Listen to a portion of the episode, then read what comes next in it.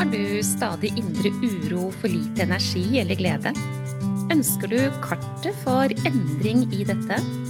Hver episode er dedikert til å gi deg gullnøkler for livsglede og ro. Du får strategier og innspill som hjelper deg fra nedstemt til oppstemt og fra uro til ro. Vil du ha en gratis oppskrift for å lage deg gode dager? Gå til www.gayabalanse.no for din herlige morgenrutine.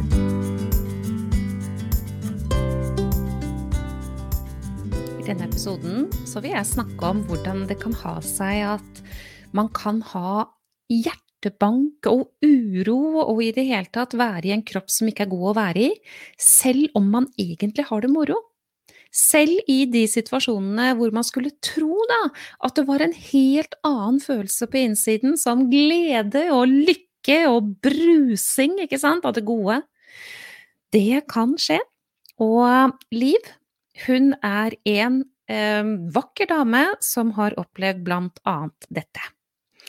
Jeg vil dele med deg hvordan det har seg da, at det som er moro og gøy og lystbetont, kan gi en kropp med toppet stressaktivering, og hva det er du må ville velge å gjøre, eller eh, kan velge å gjøre, for å skape en endring i det her. Rett og slett hjelpe kroppen å skru av, da, selv om man skulle tro at det per automatikk skjedde av seg selv. Jeg håper at du henger med gjennom denne episoden, fordi her vil det være vesentlig læring for alle som ikke kan kjenne seg igjen i Liv sin situasjon, og alle som eh, faktisk gjør det. Og Liv er ikke alene om akkurat det her. Men aller først, vi må ha det på det rene. Hva er egentlig stress? Hvis du skulle svare på det spørsmålet, hva ville ditt svar ha vært? Det kan hende at du ville ha svart noe av det samme som veldig mange andre svarer når jeg har stilt et slikt spørsmål. Og det er rett og slett, ja, men det er vel å ha mye å gjøre. Mange sier å, det er så mye på jobben, og så må jeg huske på ditt, og så løper jeg fra det ene til det andre, og de forventer det av meg, og jeg skulle ha fått til bedre, og det er i det hele tatt altfor mye som kreves av meg, og for mye å gjøre. Ja, det kan være veldig mye stress knyttet til det jeg snakket om nå, men det handler egentlig om innstillingen og tankene omkring den situasjonen man er i. Det er det som avgjør om det skal bli en fysiologisk stressrespons eller ikke. Um, hvis man møter alt dette gjøret med ok, jeg bare er til stede i det, jeg gjør så godt jeg kan og tar en ting av gangen, og her og nå er alt bra og sånn. Akkurat nå er det dette jeg holder på med, jeg har ikke tanker om hva det var jeg skulle gjøre etterpå, eller hva jeg gjorde i går og sånn. Eller jeg har ikke tanker om at noen kommer til å dømme meg på dette, avsløre meg som ikke god nok, for eksempel.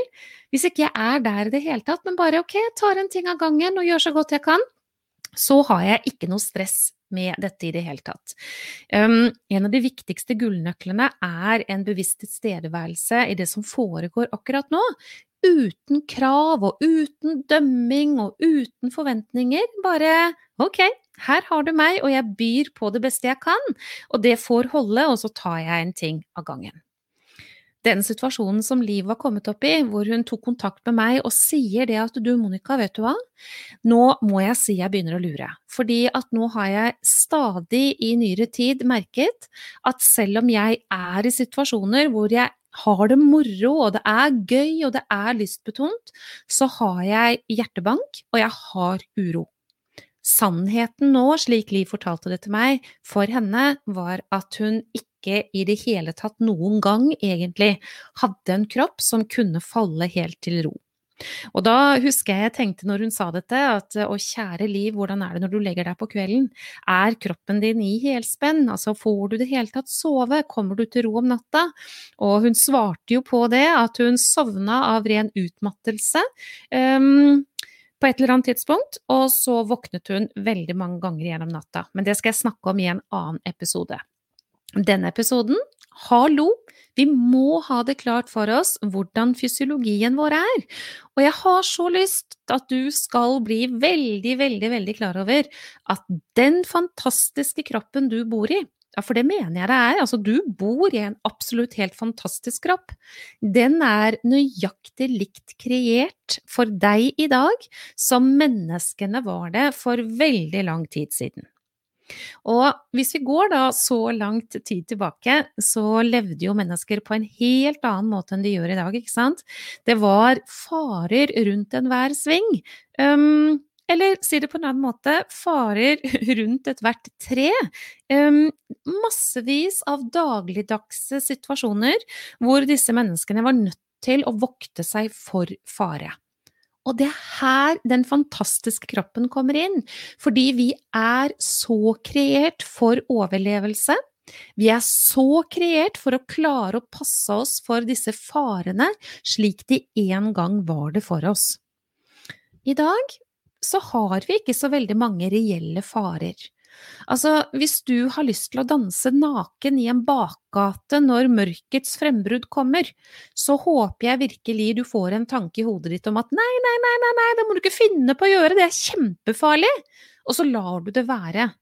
Um, ikke sant? Du stopper deg selv fra den type aktivitet, fordi det vil gå veldig galt. Men farene som menneskene har reelt sett i um, i dag, de farene de skaper vi i våre egne tanker. Og det er eksempelvis Det kommer aldri til å rekke det. Da kommer, jeg, da, da kommer, det til å skje, og så må jeg huske på det. Og så da blir det sånn, og nå sa jeg noe dumt, og han så så rart på meg, jeg ser sikkert feil ut. Jeg skulle aldri ha sagt det jeg sa nå, nå må jeg huske på at jeg må bevise noen ting her. Oi, de liker meg ikke. Frykt for å bli avslørt som ikke god nok, redsel for å ikke strekke til. Um, eksempelvis jeg kunne holdt på veldig lenge, tenk deg det. Jeg kunne det, altså. Det er det her, nøyaktig samme fysiologisk respons, som om vi skulle ha vært ute på jakt og måtte vokte oss for bjørnen. Lytt veldig nøye nå. Når vi har en tanke som eh, er en tanke som ikke kan gi ro. En tanke som har en negativ, begrensende del ved seg. Altså, jeg er redd for noen ting, jeg frykter noen ting. Det er ikke sikkert jeg forstår at jeg gjør det engang, men eksempelvis, jeg er ikke god nok. Eh, tenk om hun ikke liker meg, hva tenker de om meg nå, for eksempel? Så vil det oppleves som en trussel, og det sendes signaler gjennom nervesystemet. Så vi må bruke litt tid nå for å komme til dybden i forhold til hva det var som egentlig foregikk i kroppen til Liv. Da. Så må vi se litt nærmere på dette nervesystemet vårt. Og um, mange jeg møter når jeg begynner å snakke om ja, hva kan du egentlig om nervesystemet, kan du, kan du fortelle meg hva kan du om nervesystemet? Da blir det ofte ganske stille. Um, vi har jo lært det, de fleste av oss, på skolen en eller annen gang. Og jeg som er utdannet sykepleier, um, lærte det veldig inngående da jeg skulle bli sykepleier. Jeg måtte pugge disse her eh, rundene i systemene våre, ikke sant, og også i forhold til stressaktivering, absolutt. Det er nervesystemet som styrer her. Én tanke i hodet, f.eks. en tanke som skaper da uro, ikke sant, for det er jo det det er, en begrensende negativ tanke kan ikke skape ro, den blir en utløsende faktor for dette, fordi alt stress starter i hodet. Og via nervesystemet sendes det da signaler til binyrene som sitter på toppen av nyrene dine. Og der skilles det ut tre ulike stresshormoner. Og det er adrenalin, det er noradrenalin, og det er kortisol. Og for å gjøre det veldig enkelt for deg, disse tre hormonene de har da hver sine oppgaver, sånn som alle hormonene i hormonsystemet vårt har. Jeg bruker å si at det er sånne små figurer. Når, de, når hormonutskillelsen skjer, så løper de rundt, og så foretar de et eller annet. Det er litt sånn sjekk opp med den, og skru ned den, og så skrur vi litt mer opp der, og så blir det på denne måten. Eh, rett og slett signalsystemet i kroppen. Så adrenalin og noradrenalin og kortisol de har da ulike oppgaver i forhold til hva det er som skal skje i den fysiske kroppen når dette her foregår. Blant annet denne hjertebanken da, som Liv fortalte at hun hadde, det uh, er ikke så rart, fordi det er ganske naturlig å få hjertebank da, hvis man står i skogen og bjørnen kommer. Og det er da denne cocktailen av disse stresshormonene som sørger for at hjertet begynner å slå fortere, ikke sant. Pusten flytter seg oppover i kroppen, vi får spent muskulatur, vi blir veldig klare og skjerpa, eksempelvis som et direkte resultat av hva disse hormonene gjør. For å si det sånn, for å kunne komme i en situasjon hvor man har uro, når man skulle hatt ro eller gledesbrus eller noe helt annet i kroppen, så er det med sikkerhet slik at man har hatt langvarig negativt stress, så dette systemet ikke lenger fungerer slik som det var tenkt at det skulle. Det vil si, vi trenger å ha en skjerpet aktivitet, altså en stressaktivitet, en respons som er styrt av stressresponsen vår, når vi er i fare, og så trenger vi å kunne skru av når vi ikke er i fare. Og når dette ikke skjer lenger, da har det skjedd noen ting uh, som ikke er så bra, og det var der liv egentlig var kommet. Den delen av nervesystemet som gjør mennesket i stand til overlevelse, da, um, kamp eller flukt eller frys, som det jo egentlig er, det er den delen av det autonome nervesystemet som kalles sympatisk del av det autonome nervesystemet. Og jeg bruker å gjøre noen sammenligninger som jeg tror kan være greie å ha med seg i forståelsen av dette her. Eh, hvis du ser på den delen av nervesystemet som kalles det autonome nervesystemet, så er den tosidig. Du har da den delen som jeg nevnte nå, sympatisk aktivering, og det kan være som gasspedalen i en bil. Og så har vi en parasympatisk aktivering, som kan være bremsepedalen i bilen. Og det er egentlig veldig godt brukt som en metafor, det her. Fordi når da denne bilen får all trykk på gasspedalen, så vil vi være i overlevelsesmodus, og det er stressreaksjonen i kroppen. Og når vi får uh, trykket på bremsepedalen, så skjer det noe helt annet. Da roer systemene seg ned, rett og slett. Og når man har en balanse i dette, altså aktivitet når det er nødvendig, og kan slippe tak i det når det ikke lenger er nødvendig, så holder mennesket seg i balanse, eh, både fysisk, men også psykisk. På mange plan kan man si det. I hvert fall når det gjelder angstproblematikk og depresjon. Eh, som også blir påvirket av langvarig stress, det er det lite tvil om. Men i alle fall, Liv har da egentlig hatt begge føttene på denne gasspedalen sin i ganske mange år, så det fungerer ikke sånn som det opprinnelig var tenkt lenger. I dag så skal det da, når Liv var der hun var, hvis vi sier at det var i dag, så skal det bare én tanke til eh, som hun ikke engang fanger, før begge føttene er hogget inn på gasspedalen og denne uroa ikke vil gi slipp. Hun er nødt til å finne en vei ut av det her, og som jeg bruker å si, og som jeg sa til Liv når vi snakket sammen, det, nå kan du forestille deg at det er akkurat som det er flyttet inn et fjell på denne gasspedalen på innsiden hos deg, at nervesystemet ditt tror at den må være i aktivitet i forhold til beredskap hele tiden. Klarer ikke lenger å justere seg fordi det har blitt en, ja, en påvirkning i dette systemet som gjør at denne balanseringen ikke skjer automatisk lenger, sånn som mennesket egentlig er kreert for. Og da har jeg lyst til å ta deg tilbake igjen til en gammel historie. Um, mennesker i tidligere tider, hva slags farer var det de hadde? Det var jo for å overleve, ikke sant? Det var å få seg mat og varme og holde sammen, antageligvis, vil jeg tro. Også som en hjelp i forhold til mot trussel. Noen måtte vokte leirplassen på nattestid osv. Men når alt på en måte var trygg, trygt nok, og man hadde fått mat, og man hadde varme, og man hadde hverandre, så kunne systemet slappe av. De satt ikke med mobiltelefonen i hånda og leste på nyheter hele døgnet, eksempel. Gjorde ikke det, vet du. Og de visste ikke så veldig mye om hva som foregikk ellers i verden, da, og trengte ikke å bekymre seg så veldig. Kanskje ikke de hadde noen planer om hvordan de skulle få bygget sitt neste hus engang. Altså, hva kommer til å skje når strømregninga kommer nå, liksom? 10 000 i måneden, da, eller har ikke de penga? Altså, ingenting av det der var til stede den gangen mennesket ble kreert. Det eneste det handlet om, det var å få dekket de grunnleggende behovene, holde seg trygg, ikke sant, så man kunne overleve, ha mat og drikke og denne varmen og nærheten hvilket menneske er avhengig av. Og når de grunnleggende behovene var sørget for, sikret, så kunne de slappe av rundt leirbålet. Vi gjør ikke det lenger, vet du. Og jeg måtte jo stille det spørsmålet til Liv. Altså, si meg en ting, Liv. Er du Slapper du av noen gang? Gjør du noen aktive grep for å hjelpe deg selv til ro? Og det var ikke Liv veldig eh, Hva skal jeg si jeg Hadde ikke så mye kunnskap om det, og gjorde veldig lite av dette. Ok, så hvorfor var hun kommet dit? Jo, fordi det var for mye belastning på gasspedalen over lang tid, som gjorde at det var flyttet inn et fjell og som jeg sa til henne, vet du hva, Liv, nå må det skje noen ting. Og det som må skje, det er at dette fjellet, det må vekk. Om det så skal knuses og plukkes vekk i småbiter, så er det nødt til å skje.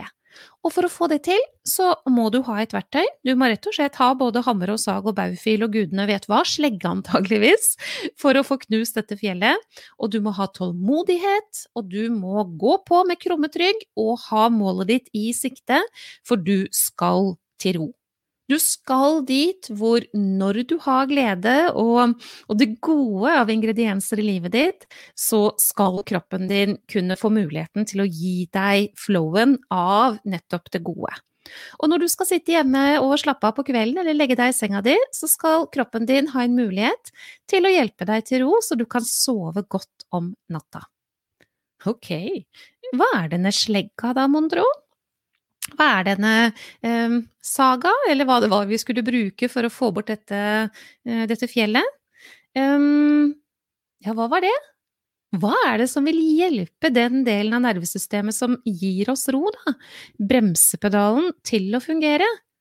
Jo, det finnes muligheter, og det Liv måtte begynne med, det var å gjøre pusteøvelse.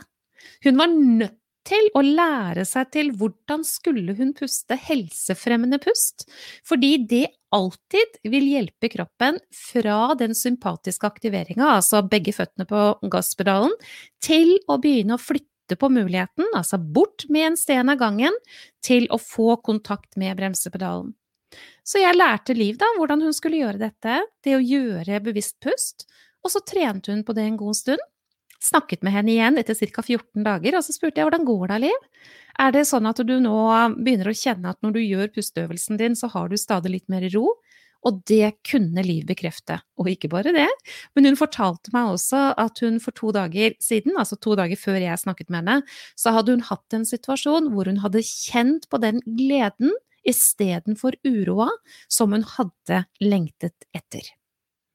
Ok, Menneskekroppen, kjære lytter, har en viss tålegrense før fjellet flytter inn. Dette er superviktig å være klar over.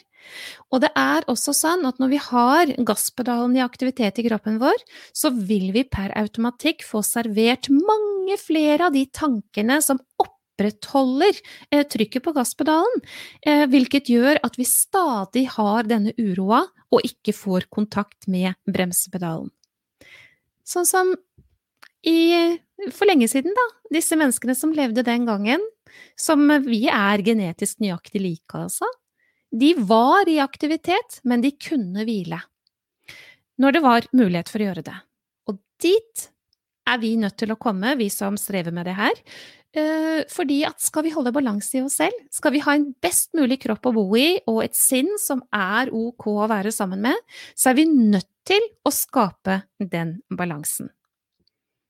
Jeg eh, vil anbefale deg som lytter å være opptatt av kunnskapen om nervesystemet, altså det er sånn her vi er kreert, forståelsen av at alt stress starter i hodet, og at det kan bli et fjell på gasspedalen som vi er nødt til å plukke vekk, og da må vi ha verktøy.